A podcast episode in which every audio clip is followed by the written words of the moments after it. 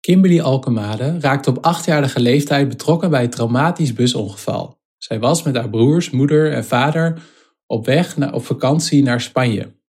En in Frankrijk viel de buschauffeur in slaap en die crashte in de file. Haar moeder kwam op het leven en haar vader en haar twee oudere broers raakten licht gewond. Kimberly zelf zat voorin met haar moeder aan de rechterkant op de bovenste verdieping van de dubbeldekkerbus. Zij was het zwaarst gewond van het ongeval omdat ze in een fractie van een seconde uit de bus was geslingerd. Welkom bij de Biohacking Impact Podcast. Leuk dat je luistert. En je hoorde net tijdens de preview uh, het verhaal van Kimberly Alkemade en je gaat zo meteen luisteren naar een interview dat ik met haar had. Maar voordat het zover is, nog een paar dienstmededelingen. De eerste is uh, voor de show notes ga naar biohackingimpact.nl kan je abonneren op mijn nieuwsbrief. Ga daarvoor naar biohackingnieuws.nl. Daar kun je ook eerdere edities terugvinden. En in die nieuwsbrief deel ik uh, alle actualiteiten als het gaat om biohacking, mijn duiding daarvan, mijn visie erop. En openbare lezingen en webinars deel ik daar ook in. Meestal word ik namelijk uitgenodigd door bedrijven en organisaties om te vertellen over biohacking of de supermens. Aanleiding van mijn uh, nieuwe boek natuurlijk. Maar af en toe is dat ook openbaar toegankelijk. Uh, niet altijd gratis, maar wel gewoon, uh, nou, wat ik zeg, gewoon voor iedereen toegankelijk als je het ticket uh, betaalt. voor de komende tijd, het lijstje staat dus ook in mijn nieuwsbrief. En daar, daar staan ook linkjes van nou, waar je moet zijn en hoe duur het is en dat soort dingen. Maar voor de komende tijd is dat bijvoorbeeld de Biohackers Assemble op 25 en 26 november 2020. Gebruik de code PETER voor 10% korting. Dat is in het Engels. In Nederland is de arbeidsconferentie Via Zorg op 1 december. Uh, dat is uh, online. Dan de Biohacking to the Future op 31 maart 2021 in het Groningen Forum, in Groningen dus. De Biohacker Summit op 7 en 8 mei 2021 in Amsterdam. En dan nog de masterclass Zorg Onderwijsvernieuwers op 21 mei 2021 in Bunnik. Dus zoals je al kan horen, is de mix van biohacking en innovatie in de zorg. En dat staat eigenlijk wel voor. Uh, ja, het is wel eigenlijk wel een goede afspiegeling van hoe dat ook op een.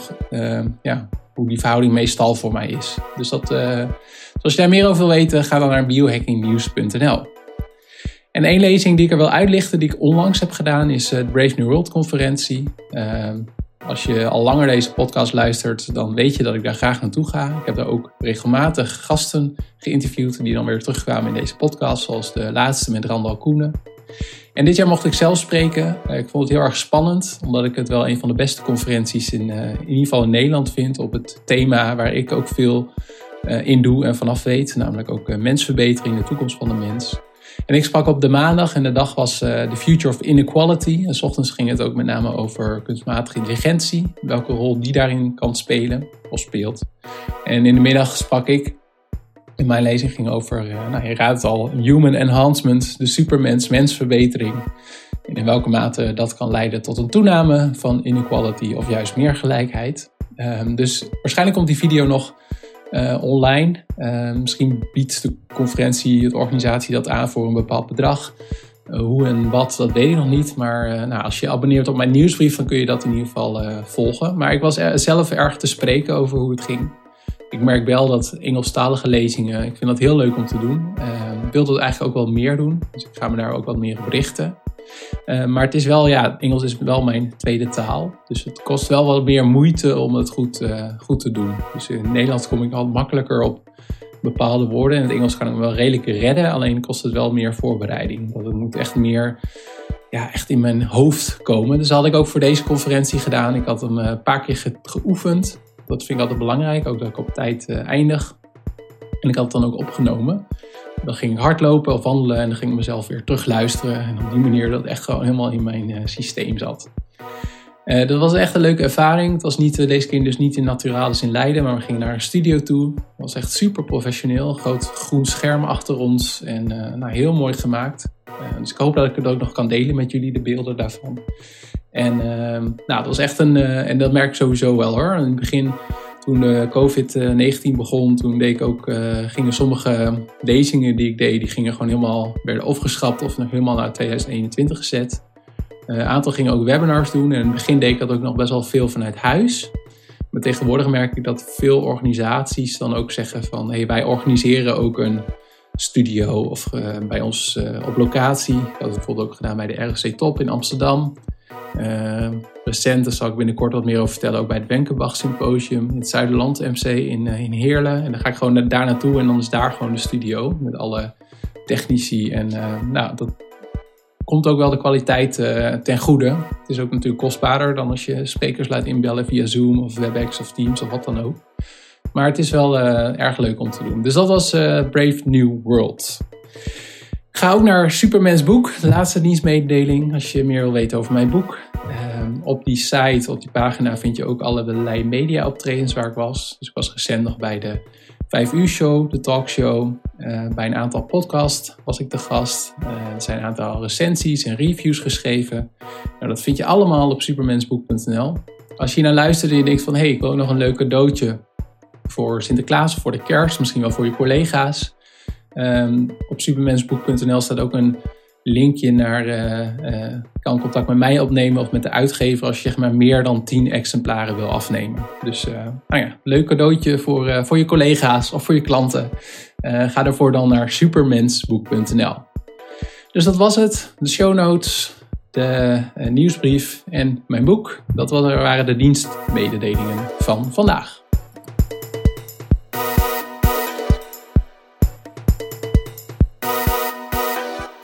Dit gesprek met Kimberly Alkemade is in het kader van mijn boek Supermens. Kimberly, zoals je hoorde tijdens de preview, is namens tijdens een ongeluk op achtjarige leeftijd haar linker onderbeen verloren. Ze had toen ook een schedelbasisfractuur en haar linkerbovenbeen was gebroken en er waren heftige verwondingen.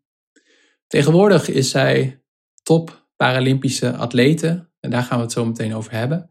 En dat komt ook terug in mijn hoofdstuk, hoofdstuk 5 in het boek Supermens, de brommer van Danny. Nou, je hebt eerder gehoord het verhaal over Danny, van Danny Jager, die met een exoskelet, hij heeft een dwarslezing en hij kan nu trainen en lopen in een exoskelet. Maar in hetzelfde hoofdstuk heb ik het ook over protheses. Dus protheses zijn, dus je zou kunnen zeggen, een exoskelet um, ondersteunt de ledematen en de prothese vervangt die. En dat is eigenlijk ook waar ik met Kimberly over praat. Van, nou ja, hoe is dat geweest? Uh, hoe gaat dan de revalidatie? Hoe maak je dan een keuze om dan ook op hoog niveau te gaan sporten? Um, ja, wat is eigenlijk bijzonder aan, aan het sporten met, met zo'n blade? Um, in mijn boek schrijf ik ook over Oscar Pistorius. Dat is een, naam die de meeste mensen wel kennen. De Blade Runner. Die uh, op een gegeven moment ook wilde meedoen. Of ook heeft meegedaan aan de reguliere Olympische Spelen. En daar was heel veel discussie over. En dan komt dat nog steeds wel eens terug van in welke mate is het nou een voordeel of zelfs een oneerlijk voordeel ja, om, om blades te hebben in plaats van gewone benen. Dus daar heb ik het ook nog over met Kimberly. Dus dat is eigenlijk de context en ik wens je veel plezier met mijn gesprek met Kimberly Alkemade. Uh, Kimberly Alkemade, wat is uh, T64? T64, dat staat voor uh, in de Paralympische sport staat dat voor klasse vrouwen met een enkele onderbeenamputatie. Ja, jij mist je natuurlijke onderbeen links of rechts? Links. Links, ja. En ik heb op je uh, uh, site staat ook het verhaal, maar uh, hoe, hoe, hoe kijk je nu terug op, op wat er gebeurde toen je acht jaar oud was? Hoe ik daar nu op terugkijk, dat het, dat het me eigenlijk uh, ook wel heel veel heeft gebracht. In, uh, ja, want wat is toen gebeurd? Ja, ik heb een uh, busongeluk gehad op achtjarige leeftijd. Waar mijn moeder om het leven kwam. En ik ook, dus ook mijn, lichter, ja, mijn linker onderbeen verloor. En um, ja, uh, dat, dat was echt een, uh, een traumatisch busongeval. Waarbij, ja, want jullie waren op weg naar Barcelona, toch? Of net weer terug? Naar Frankrijk. Ja, ja. Oh, en, ja. en onderweg naar, naar Spanje. Want we, wa ja, we waren onderweg naar Spanje inderdaad. En mhm. onderweg in Frankrijk bij Montélimar, daar ja, gebeurde het ongeluk. En daar viel de buschauffeur in slaap reden in de file. En uh, ja, van het een komt het ander. frontale botsing. Uh, die, bu die bus, uh, daar was denk ik helemaal niks meer van over. Ik vloog uit de bus door het glas heen. en ik kwam ergens 100 meter verderop de berm in, ja, in de berm terecht. Ja. En ja, toen politie erbij ja, toen heeft politie mij gevonden, want die is gaan kijken van uh, hoe het uh, met de slachtoffers. En uh, die heeft mij toen 100 meter verderop ergens in de berm gevonden. En toen meteen de traumahelikopter ingeschakeld. De traumahelikopter die moest mij naar het dichtstbijzijnde ziekenhuis brengen. Dus um, ja, het was een kwestie van leven of dood. Ik had nauwelijks nog bloed in mijn lichaam. Um, ja, en toen uh, zo snel mogelijk, toen ik helemaal gearriveerd was in het ziekenhuis, uh, hebben ze alles aan gedaan om geprobeerd om te redden. En dat is gelukt. ja, je zit er, eh, je zit er nu natuurlijk, uh, ja, hoe zou ik het zeggen, opgewekt bij, maar ja. wel een heftige, heftige ervaring natuurlijk. Absoluut. En ehm, maar ik ben ook, ook wel geïnteresseerd in, in, in medische technologie, daar hebben we het zo meteen ook nog uh, over. Maar ik vroeg me af, is toen ook al, was jij erbij toen het besluit werd genomen om, uh, om het onderbeen te amputeren? Of was je niet bij, zeg maar? Nee, want ik was uh, bewusteloos en ik werd wakker in het ziekenhuis zonder mijn been. En dat been is traumatisch geamputeerd. Dus dat was geen kwestie van we moeten beslissen of het geamputeerd moet worden. Nee, dat dit gebeurde gewoon door het ongeluk. Ja, en weet je nog hoe je je voelde? Was je blij dat je nog in leven was? Of dacht je ook van hé, hey, of allebei? Ja, ik weet niet of ik dat nog kan herinneren. Nou ja, toen ik, uh, ik, werd, ik werd wakker in het ziekenhuis uit een coma van twee weken. En um, ja, dat was niet echt fijn wakker worden. Nee, kan ik me herinneren. Dat, uh, uh, ik, ik, vroeg ook meteen naar mijn moeder. En daarvan zeiden ze in eerste instantie nog van, uh, dat hij in een andere kamer lag. Maar dat was toen op dat moment niet het geval. Maar ze wilden me daar niet meteen mee belasten. Nee. Als meisje van acht jaar. Dus um, uh, ja, um, kwam eigenlijk dan ook vrij snel al het verhaal dat, ik, dat mijn been eraf is. Want ik lag dan onder die dekens en helemaal met draadjes en morfine en uh, helemaal onherkenbaar eigenlijk. Want mijn vader die kon me herkennen aan een wondje die ik had op mijn linkerknie, omdat ik van de fiets af was gevallen. Uh, maar die kon mij niet herkennen aan hoe ik er op dat moment bij lag.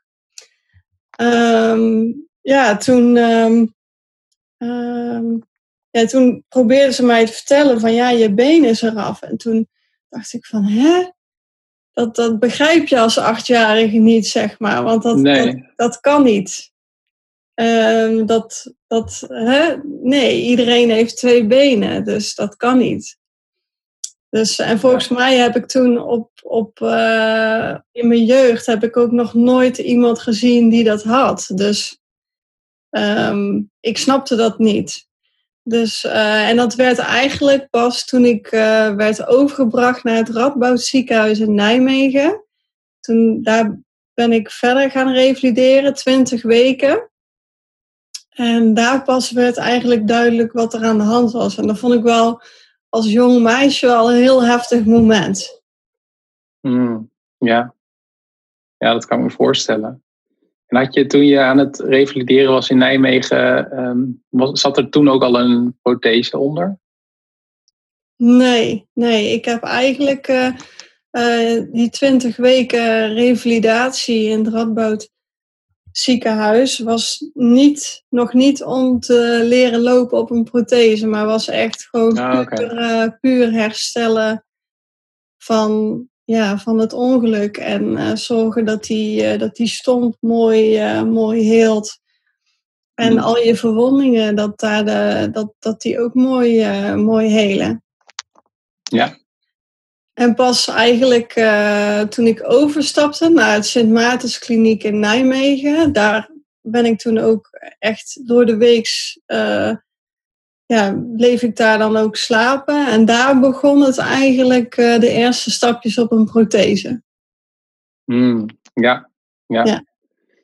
En um, toen, ja, lijkt me behoorlijk heftig, sowieso al, maar inderdaad dan ook op de basisschool en middelbare school. Want is het dat je dan een standaard prothese krijgt? Hoe gaat dat in zijn werk? Nou, ik denk dat uh, als je kijkt naar de technologie nu uh, en de technologie die er op dat moment was, ik kan me nog herinneren dat ik zo'n prothese kreeg, zo'n ja, echt met huidskleur, waarbij je aan de bovenkant ook nog een soort van brace had. En dan dat je met je stomp, met, met zo'n uh, schuimkoker, met een trekkous, ging je er dan in. En mm. uh, ja, nu zijn ze al zoveel verder met echt siliconen lijners. En dat het allemaal veel zachter ook aanvoelt. En er is ook veel minder materiaal nodig om goed te kunnen lopen. Het, het wordt allemaal steeds compacter. Net zoals eigenlijk mobiele telefoons steeds kleiner worden en het allemaal in steeds uh, kleinere uh, technologie, het, het, of tenminste het kleinere ruimtes wordt verwerkt, zie je dat eigenlijk bij protheses ook. En uh, ik weet nog dat toen ik begon met lopen, toen was het vrij oud nog. En toen, ja, toen hadden ze dat nog allemaal niet, die, die zachte lijners en al die technologieën die ze nu hebben, zeg maar. Ja, ja. En um, uh, in 2017, toen was je al bij, de, bij Frank Jol geweest? Of, want toen waren de, de, de talentendagen van de Paralympische Bond. Of, uh... ja, ja, klopt. En toen had je al een aangepaste prothese? Of is, is zeg maar de doorontwikkeling naar een, de prothese die je nu hebt, dat speciaal is voor, voor sprinten, is, is dat daarna of daarvoor, daarvoor al heb je daar de eerste stap al in gezet? Uh, nee, ik uh, stapte in 2017 over uh, naar Frank. En um, toen duurde het volgens mij nog wel een half jaar voordat ik die bleed kreeg. Want dat was een, een tweedehands die hij ergens nog vandaan moest halen uit zijn knutselhok. En um, ja, toen ben ik dus gaan trainen voor de vijf kilometer. Voor de Ladies Run in Eindhoven. Ja. En uh, daar is het eigenlijk begonnen. Daar, daar ben ik eigenlijk tot bepaalde inzichten gekomen. Wat mij ook weer tot die ene dag gebracht heeft, namelijk die talentendag. En ik had dus al wel een beetje conditie al in mijn lijf, omdat ik al getraind had voor die vijf kilometer. Dus het was niet dat ik helemaal, uh, ja, toen niks, niks uh, aan basis in me had, zeg maar. Mm, dus ik had, ik had al wel een beetje conditie uh, daarvan gekregen. En toen dacht je in eerste instantie uh, dat je wel voor snowboarden, snowboarden of zo zou gaan. Hè? Maar uiteindelijk werd het dus uh, sprinten. Ja, klopt. Ja, ik had ook best wel veel research gedaan, ook naar het snowboarden. En hoe gaat dat dan als je het op hoog niveau zou willen? Wat zijn daar de kosten van? En ik was inderdaad voor snowboarden ook gescout. Um, dus ik moest ook echt een keuze maken en, uh, tussen twee sporten die ik uh, super leuk vind. Um, maar ik wilde er één doen en dat wilde ik gewoon, daar wilde ik gewoon een gerichte keuze in maken van oké, dat wil ik echt op hoog niveau gaan doen en dat wil ik echt competitief gaan doen. En omdat um, ja, bij de atletiekronde was het was het iets overduidelijker dat ik talent had voor, uh, voor sprinten. Of voor, in ieder geval voor atletiek. En omdat het daar iets duidelijker die boodschap naar voren kwam, zeg maar. En bij het snowboarden was het nog een beetje zo van, ja, tuurlijk, hè, er zit heel veel in, maar hè, er moet nog wel het een en het ander gebeuren. En bij uh, atletiek was het echt overduidelijk van meteen uh, in de Nederlandse selectie. Geen twijfel. meteen, meteen hmm. erin.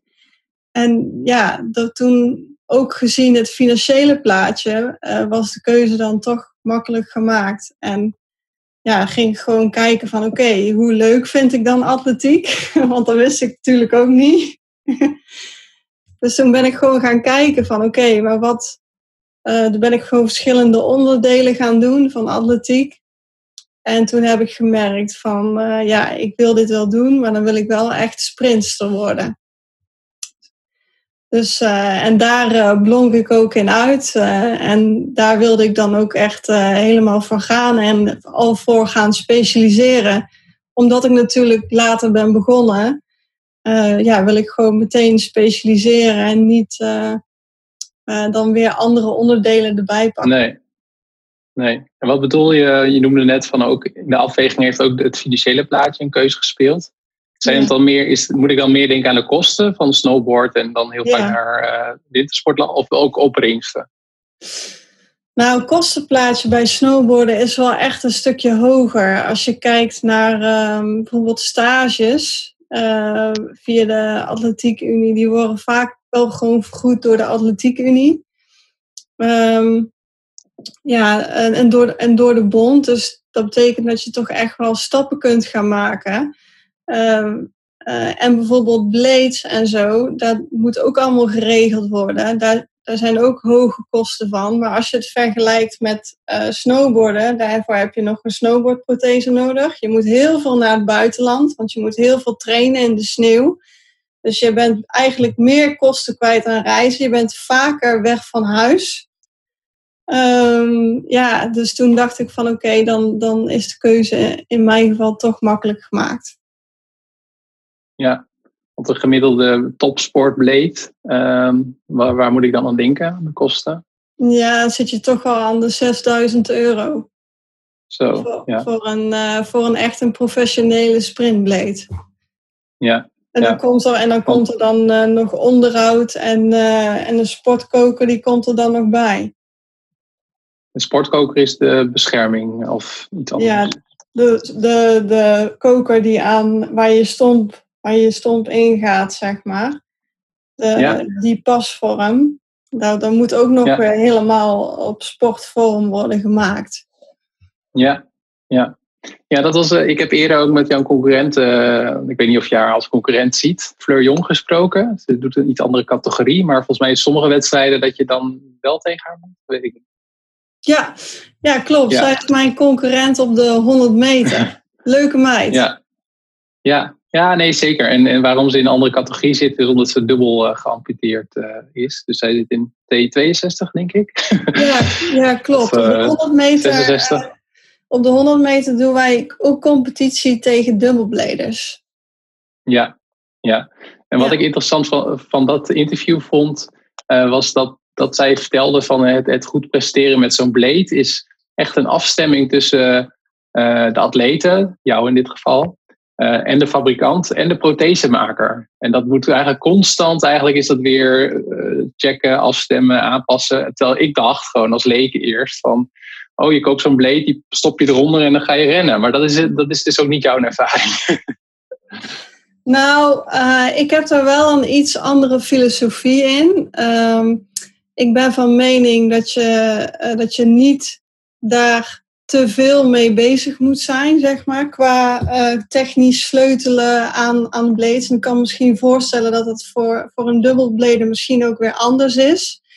Um, maar ik heb zoiets van, oké, als het goed voelt en er is wat aan getweakt, dan ga ik gewoon een hele winter lang mee trainen om echt een goed gevoel mee te krijgen. En dan daarna kan, je, kan ik kijken of ik weer wat eraan wil tweaken. Of het, ja, of het misschien qua, qua afstelling misschien nog beter kan. Um, hmm. Maar dat, ik, ja, ik ben niet iemand die dat heel vaak uh, doet en wil doen ook. Hmm, ja, ja.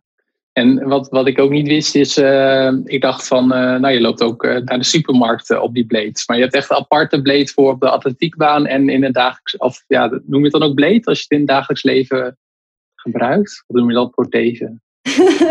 nee, je kan, een blade kan je niet mee naar de supermarkt.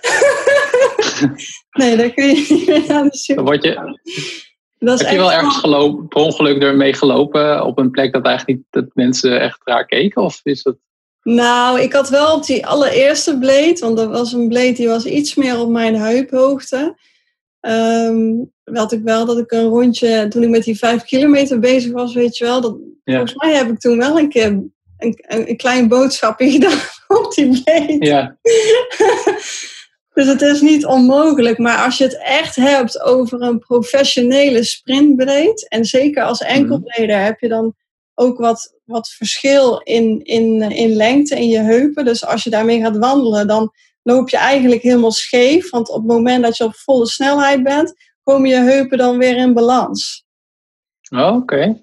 En daarom uh, als enkelbleder ja, ben je dan altijd iets scheef in je heupen en is die bleed altijd iets langer. En ja, daar kun je gewoon niet, uh, niet, niet mee wandelen. En dat is ook niet goed voor je rug. Dus wordt ook geadviseerd dat uh, als jij um, bijvoorbeeld tussen, tussen neus en lippen door een stukje moet wandelen of je moet naar het toilet, ja, dan wissel even protheses en ga dat niet uh, op je bleed doen.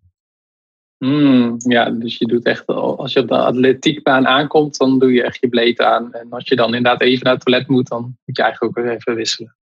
Ja, ja. ja. En uh, ik volg jou ook op Instagram en dat zie ik ook af en toe in de sportschool. Uh, krachttraining doen, van die cleans en, en nou, squats en zo, denk ik. Maar dat doe je dan niet op blazes, neem ik aan.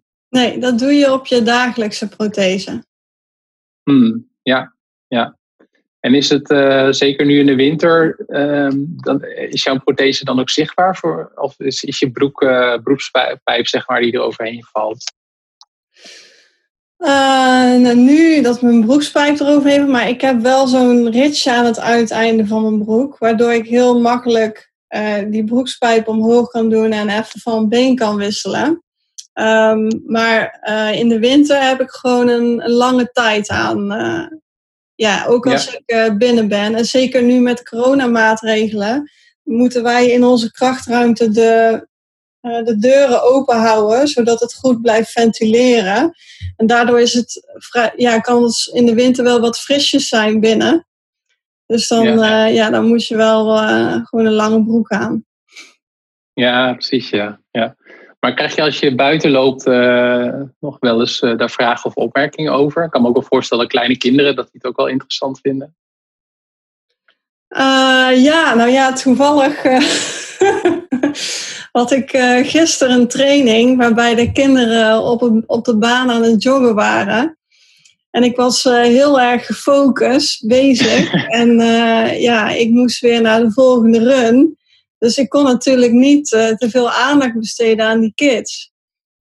Dus toen zei ik tegen die, want die kinderen vroegen allemaal van, wat heb jij voor been? Wat heb jij voor been? Ik zeg, ja, ik heb er nu geen tijd voor om dat te vertellen. Zullen we dat na de training uh, even doen? Maar jullie mogen wel met me meestarten. Dus even snel, hup, mhm. in baan 1 en 2. En dan zeg ik klaar en dan gaan we, oké?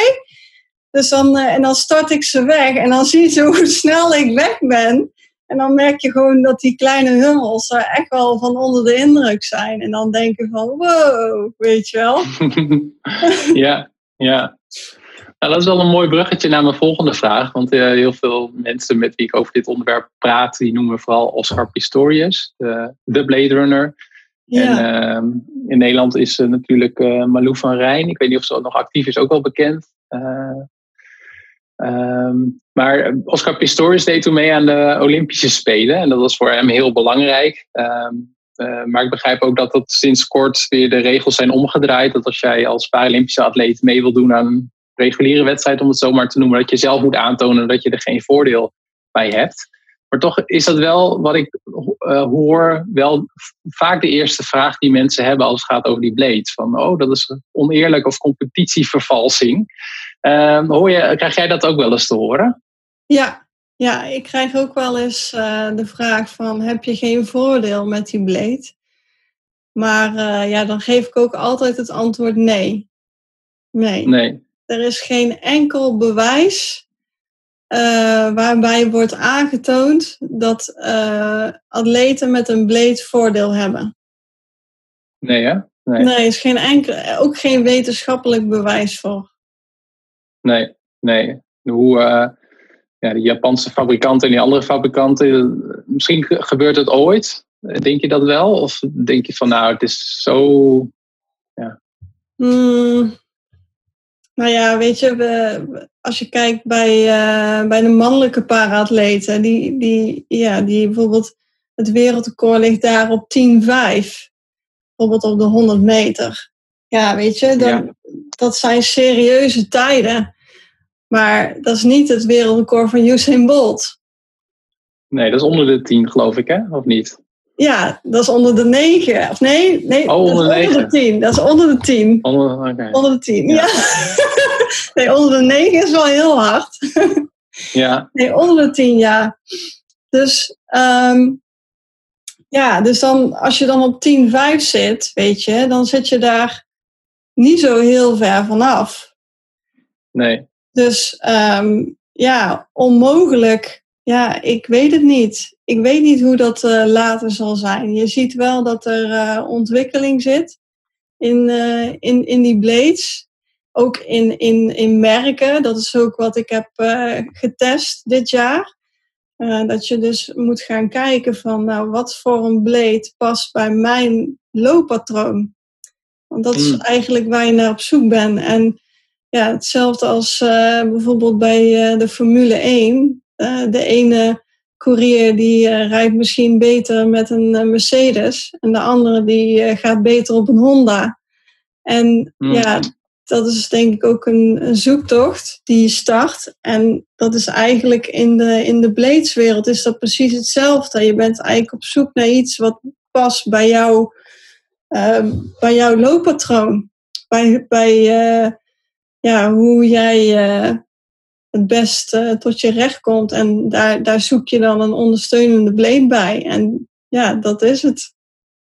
Ja, jij, jij denkt dat die Japanse fabrikanten dan op dit moment het beste past bij, bij jouw looppatroon eigenlijk? Ja, daar is geen twijfel over mogelijk. Oké, hoe merk je dat dan? Ja, dat voel je. Mm. Je, je voelt uh, dat, je, dat je ergens in balans bent. Mm -hmm. um, ja, dat je gewoon meer, meer in balans komt. En je voelt, wat ik ook voel, is dat het dan, uh, zeker die, uh, die uit Japan, geeft, mij, geeft mij ook feedback als ik het niet goed doe. Dus het is een, is een hele sterke graadmeter voor, om te voelen of ik goed zit, ja of nee. Wat is die feedback dan? Nou, ehm, als jij bijvoorbeeld een verkeerde pas maakt, ehm, dan voel jij meteen dat hij, je, dat hij je meer achterover of meer voorover duwt. En als je dus hmm. meer voorover duwt, dan weet je dus dat je goed zit en dat je in de juiste positie zit. Ja. En die sterke feedback, die heb ik van mijn vorige nooit zo gehad. En um, die, uh, die, dat was zeg maar Otto Bok. En Otto Bok, die, ja, het zijn ook goede blades, want die reageren heel snel. Alleen omdat ik van die, uh, van die lange benen heb, uh, wil je ook grote passen kunnen maken. En dan heb je niet een blade nodig die weer te snel reageert. Hmm. Zodat je echt mooie grote passen kan blijven maken en gewoon in balans kan blijven lopen jij bent nu ook aan het trainen richting, ja, dat heet dan Tokio 2020 volgens mij, maar dat is dan in 2021. Ja. Um, kun, je, kun je mij nog meenemen in hoe een trainingsweek er ongeveer voor je uitziet? Nou, ik train tien keer in de week, uh, waarbij twee krachttrainingen, uh, drie looptrainingen, uh, drie circuits, um, één fietstraining en één hersteltraining. Hmm, het circuit dat is een beetje afwisselend. Uh, ja. Niet echt krachttraining, maar meer. Ja, twee circuitjes wat echt uh, veel voor, uh, voor, je, ja, voor je core is. Ja. Um, en, en een circuit wat een beetje een mengelmoesje is van van alles wat. Met hordes, balans, um, uh, wat, wat de werk uh, specifiek voor, voor je benen, waar, waar wat zwakke punten liggen, zeg maar. Uh, dat soort dingen. Ja, en hoeveel keer looptraining zei je nou? Drie looptrainingen. Drie looptrainingen. En doe je tijdens die looptrainingen in zo'n week eigenlijk altijd wel wat 100 metertjes? Of is dat, doe je die bijna niet en doe je met name ander type looptraining? Uh, nee, ik doe uh, nu zeker in de winter nu veel op uithoudingsvermogen. Dus uh, ik probeer ja, het is vooral veel lopen en zo consistent mogelijk. Ja, ja. En kun je ook dan binnenlopen of doe je de looptrainingen nog wel buiten? Nee, gewoon buiten. Ja. ja. En is het dan, dan nog gevaarlijk op het moment dat het gaat uh, vriezen? Of hoe heet dat? IJselen en zo? Met je, met je blades? Of, uh, ja, dat is natuurlijk voor gewone atleten ook, uh, voor reguliere atleten ook een probleem. Ja, ja. ja nee, je hebt ja, met, um, met ijs op de baan wordt er niet gelopen. kan ik je vertellen. Nee, precies. Dan zullen we back-to-backs doen indoor. Oh ja, een soort van shuttle run test of zo. Eh, van de ene kant van de zaal naar de andere. Ja, nou dat is best wel heftig hoor. ja, dat, ja dat, dat weet ik ook nog wel, ja. ja. Of vroeger op de, op de middelbare school. ja. ja. En ben jij, uh, ben je al gekwalificeerd dan voor Tokio? Moet je nog ergens uh, een bepaald resultaat halen? Nou ja, ik, ik, heb wel daar ergens een streepje voor, denk ik. Omdat ik uh, twee medailles uh, op, op mijn WK-debuut uh, eh, behaald heb. Um, maar nee, ik moet me nog steeds kwalificeren. Ik ben nog niet gekwalificeerd. En dat gaat volgend jaar gebeuren. Zou eigenlijk dit jaar zijn, maar ja, heel het plan, heel het roer omgegooid dit jaar. Ja, en hoe is dat dan voor jou? Om. Uh, je, ik denk dat je, dat hebben veel topsporters natuurlijk, maar je traint ergens naartoe en dan ja, komt corona, worden heel veel dingen afgelast of uh, verzet. Had je het daar ook wel moeilijk mee? Of kon je al redelijk snel je zinnen verzetten? Um, ik kon wel redelijk snel mijn zinnen verzetten. En dat heeft ook te maken met dat ik um, um, mijn eigen team ben gestart. Dus ik heb um, ja, eigenlijk alles uh, gedaan uh, wat in ten voordele is voor mij als individu. Uh, en echt gekeken van nou, waar heb ik als atleet nou echt behoefte aan? En dat waren voornamelijk dicht bij huis trainen. Ja. En daar ben ik gaan kijken van, is dat mogelijk überhaupt? Want eerst dacht ik dat dat misschien niet mogelijk zou zijn dat is ook de reden waarom ik ook heel kort uh, bij uh, het team van Fleur Jong heb getraind. Um, um, maar ja, uh, toen later kwam ik erachter dat het dus mogelijk is om, om dicht bij huis te trainen. En, en nog steeds ja, op een hoog niveau ook te blijven trainen. Ja. Dus uh, ja, en daar heb ik eigenlijk uh, deze coronaperiode voor gebruikt om uh, die setup voor mezelf te creëren, zodat ik echt ja, op vierjarige missie kan. En ja. ja. niet, niet ja, gestoord word door allerlei veranderingen die ik moet gaan inzetten voor, voor mezelf. Ik heb nu echt het gevoel van, het, ik heb de rust. En ehm, ja, en gewoon de ruimte en de, de perfecte situatie creëert voor mezelf om, uh, om een mooie winter te draaien. Ja, ja. Nou, dat, uh, dat klinkt goed. Dus als mensen jou willen zien trainen, dan moeten ze ook uh, in Vught op de atletiekbaan kijken. Hè? Als bij een van de drie looptrainingen, als ze dan geluk hebben. ja, ja, ja, zeker. Ja, ja, en um, uh, wat ik ook leuk vind, zeg maar, aan um, in trainen, is dat je dus ook contact komt met mensen uit het dagelijks leven. Dus uh, bijvoorbeeld de schoonmaker, weet je wel. Die praat, zo'n zo klein, schattig, uh, oud, lief mannetje. En die praat een beetje met, met een accent. En iedere keer als ik hem tegenkom, dan, dan is hij... hey, het is een speciale dag vandaag, hè? Het is een speciale dag. En dan uh, iedere keer gewoon met een glimlach groeten, weet je wel. Of uh, ja. met andere mensen die daar voor een ander doel zijn. Of oudere mensen die daar gewoon lekker in beweging zijn. Kinderen, weet je wel. Ja. Uh, die zien mij allemaal trainen. En daarmee zend ik dus een boodschap uit naar mensen uit het dagelijks leven. En wordt rennen met een bleed, wordt daardoor ook steeds normaler. En hmm. Ehm, ja, op Papendal is de omgeving natuurlijk heel erg beschermd voor de, voor de topsporter. Ja, ja. Nou, leuk dat je dat zegt. Dus je ziet ook wel, ja, missie klinkt misschien wat groot, maar je vindt het ook wel belangrijk dat dat meer geaccepteerd wordt. Ja, absoluut. Ja. Ja. Ja, ja nou, eh, inderdaad goed. En uh, nou, mooi dat dat, dat een, mooi, een goed uh, neveneffect is. Uh, als, ja als mensen niet naar Vught kunnen komen vanwege eh, de pandemie of andere dingen. Als, uh, als ze meer over jou te weten willen komen, waar kunnen ze jou dan het beste vinden online en social media? Uh, ja, het beste via mijn website www.kimberlyalkemade.com en dan met L-Y, dus niet L-E-Y, maar L-Y. en um, uh, ja, Instagram en Facebook ben ik ook te vinden. Nou, prima. Ik zet de linkjes ook bij de, ja, bij de blog, bij de show notes, om het zo maar te zeggen. En dan ehm, wil ik jou danken. En ga je zo meteen nog trainen of was het eerst nog studeren? Uh, nee, ik ga eerst uh, studeren. Ik ben vandaag klaar met trainen. Morgen moet ik weer, uh, moet ik weer trainen. Ja, ja. Nou, dan is studeren is ook wel een beetje herstellen natuurlijk en uitrusten. Lichamelijk dan, niet, niet cognitief. Maar uh, dan uh, nogmaals bedankt voor dit gesprek, Kimberly. Ja, graag gedaan.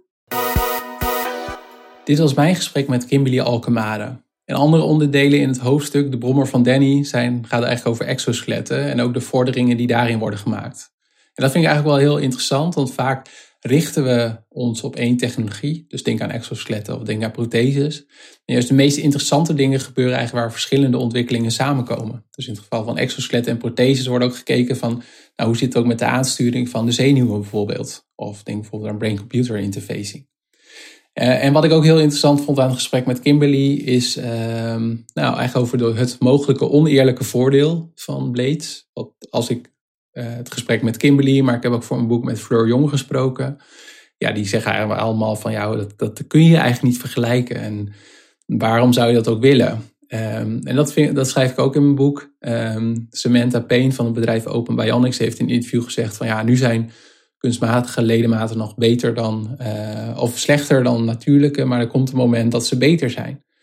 En dan vind ik het zelf wel interessant van ja, wat voor keuze maak je dan op het moment dat je een ledemaat verliest? En ook, en dat gaat voor mij op dit moment echt te ver, maar zou je dan ook vrijwillig een ledemaat willen afstaan? Ja, zeker voor mensen die daar uh, mee, hoe, zeggen, zou ik het zeggen? Uh, ja, geen andere keuze hadden. Zoals Kimby lijkt me dat ook best wel een, een pittige uitspraak. Dus dat, uh, ja, dat zijn wel van die dingen waar ik over nadenk. Maar misschien is dat over een aantal generaties voor mensen heel normaal. Ehm, maar ik kan me dat eigenlijk zelf nog niet voorstellen. Dus dat zijn interessante vragen. En dat was ook dus de context bij dit gesprek met Kimberly. Van ja, hoe, hoe ziet haar eigen leven eruit? Hoe is de revalidatie gegaan? En ook misschien wat zijn de toekomst van protheses? En ook Paralympische atleten die met blades kunnen sporten en rennen.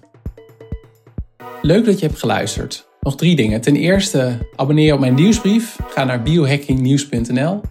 Ten tweede, Ga naar supermensboek.nl om mijn boek te bestellen, Supermens. Eh, je vindt daar ook eh, een overzicht van mediaoptredens, uh, ook interviews voor andere podcasts, recensies, reviews, achtergronden. Dus ga naar supermensboek.nl. Ten derde is mijn vraag voor jou deze keer: als je denkt aan protheses, waar denk je dan aan? denk je dan aan bijvoorbeeld de Paralympische Spelen met Oscar Pistorius, met Fleur Jong, met Kimberly Alkemade of andere atleten? Of denk je dan aan films? Nou, dat is eigenlijk waar ik aan denk. Ik denk bijvoorbeeld aan een film als Mad Max, waarin ook een, een speler, een, uh, speler, een acteur zit met een hele bizarre prothese. Maar ik denk ook aan Edward Scissorhands, die natuurlijk hele bijzondere protheses heeft. Dus ik ben wel benieuwd, als jij denkt aan protheses, wat is dan het eerste wat bij je opkomt en waarom?